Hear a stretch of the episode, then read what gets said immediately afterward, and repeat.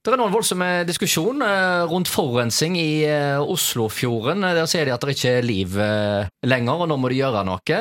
Hvorfor har de ikke kommet på dette før? Ja, det, det har faktisk òg slått meg. Det har jo vært på nyhetene nå i flere dager. altså At Oslofjorden er tom for fisk, og at det er veldig forurensa. Her så vi jo på Dagsrevyen statsministeren i dykkerdrakt som var nede og skulle se hvor skittent det var i Oslofjorden. Og Det som slo meg da, det er jo at i eh, Haugesund og langs kysten, så eh, vestlandskysten, så er det jo blitt eh, renset opp i kloakkforholdene for lenge siden. Dette, vi, dette ble bestemt allerede på slutten av eh, 80-tallet. og på, I 91 så var det jo forbudt å slippe ut uh, kloakk i uh, Haugesund, i uh, Smeasundet. Vi hadde faktisk uh, 37 kloakkutslipp langs uh, Indre kai. Ja. Så det, det var jo rene kloakkpølen. Det kunne Ja. være tidligere. Det, Men det er vel ikke så lenge siden det var ut med sletta òg? Nei, ja, det stemmer det. Altså, det, en gjorde, det, det en gjorde fra 91, det var det at en tok og stengte for kloakkutslipp eh, her i Smeasundet,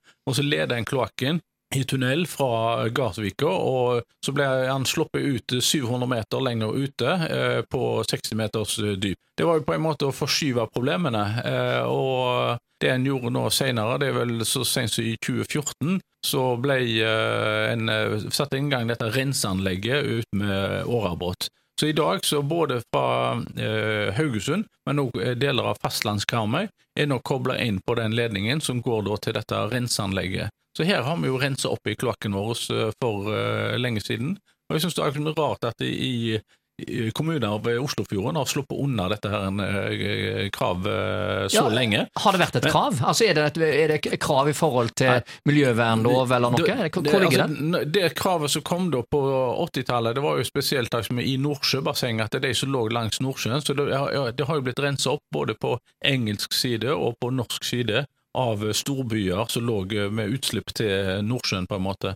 Og da eh, har en da ikke tatt med eh, indre Oslofjorden, og ser en hvor gale det kan eh, bli da.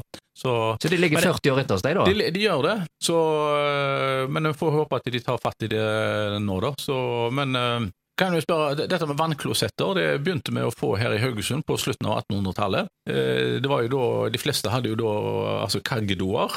Eh, Men så begynte en da å få øh, vannklosetter med utslipp til Smersundet. Og, Ja. og når du kommer på 1920-tallet, så hadde faktisk flertallet av haugesunderne fått vannklosett da. Så altså, det var, For 100 år siden så hadde de fleste husstander, men det var så sent som ut på 50-tallet så var det da et par hundre husstander i Haugesund som da hadde kaggedo. Eller utedo. Ja, eller utedo, ja. Men uh, altså, det var jo i kagger, da. Det den kalte kaggedo. Ja, vi skal snakke mer om både kaggedoer og hvem som henta eh, disse her eh, ekskrementene, for eh, det var det orden på før i tida. Mer om det når Tor Inge Vormedal er med meg igjen om få minutter.